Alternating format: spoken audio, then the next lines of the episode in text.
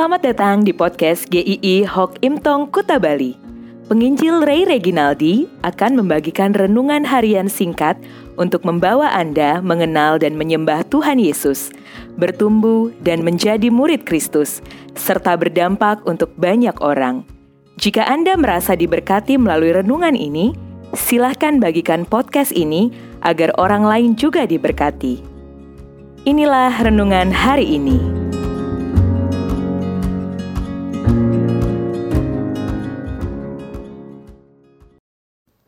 Jalan baru dari Tuhan.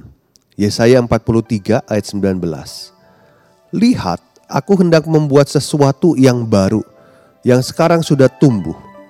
Belumkah kamu mengetahuinya? Ya, aku hendak membuat jalan di padang gurun dan sungai-sungai di padang belantara. Anda pasti mengenal istilah jalan tikus. Ya, ini bukan jalan khusus tikus ini adalah jalan-jalan kecil yang biasanya bebas dari kemacetan, rutenya lebih pendek, jalannya hanya diketahui oleh orang-orang yang mengenal daerah itu. Jalan tikus adalah jalan favorit untuk orang-orang yang ingin menempuh jarak yang lebih pendek dan terhindar dari ngantri kendaraan. Namun kadangkala jalan tikus tidak lagi menjadi jalan tikus ketika banyak orang sudah tahu jalan itu dan jalur itu menjadi macet dan akhirnya ngantri juga di sana. Apa hubungannya dengan renungan kita hari ini? Kalau di dalam menghadapi pergumulan hidup, kita tahu ada jalan tikus yang bisa membantu kita lebih cepat dan lebih lancar untuk keluar dari permasalahan. Rasanya pasti menyenangkan dan kita akan memilih jalan tikus itu. Namun yang sering kita hadapi bukan lagi jalan macet. Jalan tikus itu tidak tampak, tetapi jalan buntu. Kita sampai tidak tahu lagi harus berbuat apa.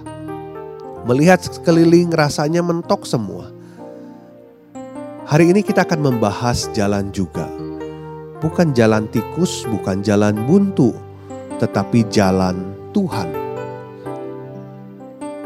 Saat orang Israel ada di dalam pembuangan, firman Tuhan berkata, "Janganlah ingat-ingat hal-hal yang dahulu dan janganlah perhatikan hal-hal yang dari zaman purbakala."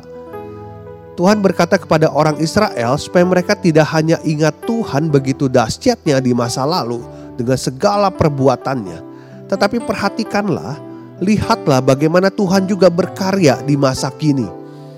Firman Tuhan berkata, "Lihat, Aku hendak membuat sesuatu yang baru yang sekarang sudah tumbuh. Belumkah kamu mengetahuinya? Ya, aku hendak membuat jalan di padang gurun dan sungai-sungai di padang belantara. Tuhan akan menolong mereka dari cengkeraman Babilonia. Jika kita melihat sejarah, Tuhan memakai bangsa Persia untuk menaklukkan Babilonia. Dan nanti Persia akan mengizinkan orang Israel pulang. Suatu jalan baru yang tidak terduga oleh orang Israel sendiri. Jalan yang membawa pada keselamatan, pada kehidupan yang baru untuk mereka.